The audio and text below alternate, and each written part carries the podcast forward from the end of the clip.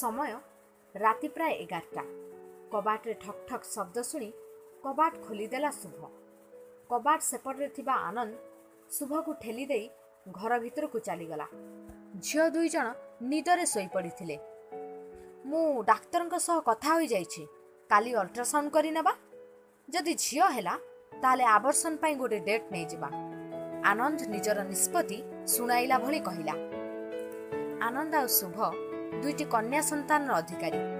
ଯେତେବେଳେ ଶୁଭ ତୃତୀୟ ଥର ଗର୍ଭବତୀ ହେଲା ତା ଶାଶୁ ସିଧା ସିଧା କହିଦେଲେ ଦେଖ ଆନନ୍ଦ ମୋର ଏଥର ନାତି ହିଁ ଦରକାର ନହେଲେ ମୋଠୁ ଖରାପ କେହି ବି ହେବେନି। ତୃତୀୟ ଥର ସନ୍ତାନ ଚାହୁଁନଥିବା ଶୁଭ କିନ୍ତୁ ଆନନ୍ଦ ଆଉ ପରିବାରର ଜିଦ୍ ଆଗରେ ଚୁପ୍ ରହିଲା। କିନ୍ତୁ କୌଣସି ବି ପରିସ୍ଥିତିରେ ଆବର୍ଷଣ ଚାହୁଁନଥିଲା ଶୁଭ। ତେଣୁ ସେ ଆନନ୍ଦର କଥାରେ ପ୍ରତିବାଦ କଲା ପୁଅ ହେଉ କି ଝିଅ ମୁଁ ଆବର୍ଷଣ କରିବିନି। ପାଗଳ ହୋଇଗଲଣି? ତିନି ତିନି ଜଣ ଝିଅଙ୍କ ପାଠପଢା ବାହାଘର ଖର୍ଚ୍ଚ କିଏ ଦେବ? କ୍ରୋଧମିଶା ସ୍ୱରରେ ଜବାବ ଦେଲା ଆନନ୍ଦ। ପୁଅ ହେଲେ କ'ଣ ଖର୍ଚ୍ଚ କମିଯିବ ଆନନ୍ଦ? ଆନନ୍ଦକୁ କଟାକ୍ଷ କରିବା ଭଳି କହିଲା ଶୁଭ। ପୁଅ ହେଲେ ଆମ ବଂଶ ଉଦ୍ଧାର କରିବ ଆମ କୁଳର ନାଁ ଉଜ୍ଜଳ କରିବ।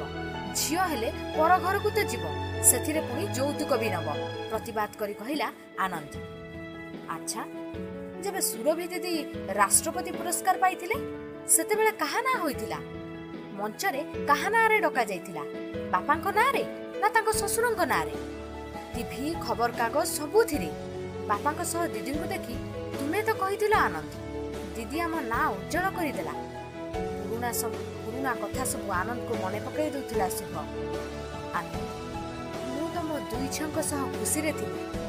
କିନ୍ତୁ ତମେ ହିଁ ତ ତୃତୀୟ ସନ୍ତାନ ପାଇଁ ଜିଦ୍ କରିଥିଲ। ତେଣୁ ଏ ପୁଅ କି ଝିଅ ଆମେ ଖୁସିରେ ଗ୍ରହଣ କରିବା। ଆନନ୍ଦକୁ ବୁଝାଇବାର ଚେଷ୍ଟା କରୁଥିଲା ଶୁଭ। କିନ୍ତୁ ବୋଉ ବୋଉ କ'ଣ ମାନିବ? ଆନନ୍ଦ କଥାରୁ ଭୟ ସ୍ପଷ୍ଟ ବାରି ହୋଇ ପଡୁଥିଲା।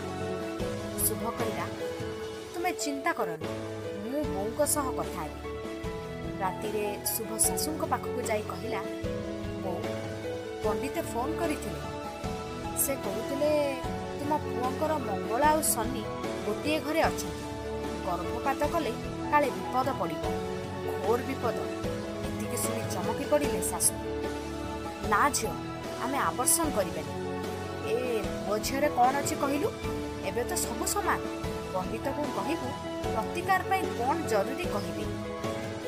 ଭୟ ମିଶ୍ରିତ କଣ୍ଠରେ ଶୁଭର ଶାଶୁ କହିଲେ ହଁ ବୋଉ ମୁଁ ପଣ୍ଡିତଙ୍କୁ କାଲି ସକାଳେ କହିଦେବି।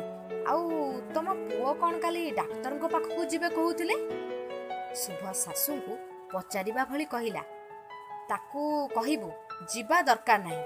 ପୁଅ ହେଉ କି ଝିଅ ଆମର କିଛି ଅସୁବିଧା ନାହିଁ। ନିଜର ଶେଷ ନିଷ୍ପତ୍ତି ଶୁଣାଇ ଦେଲେ ଶାଶୁ। ଶାଶୁଙ୍କ ନିଷ୍ପତ୍ତି ଶୁଣି ଶୁଭ ସେଦିନ ଭାବୁଥିଲା ଆଜି ତା ଶାଶୁ ପ୍ରମାଣ କରିଦେଲେ। ଗୋଟିଏ ମା ପାଇଁ ତା ଶିଶୁ କେତେ ମୂଲ୍ୟବାନ।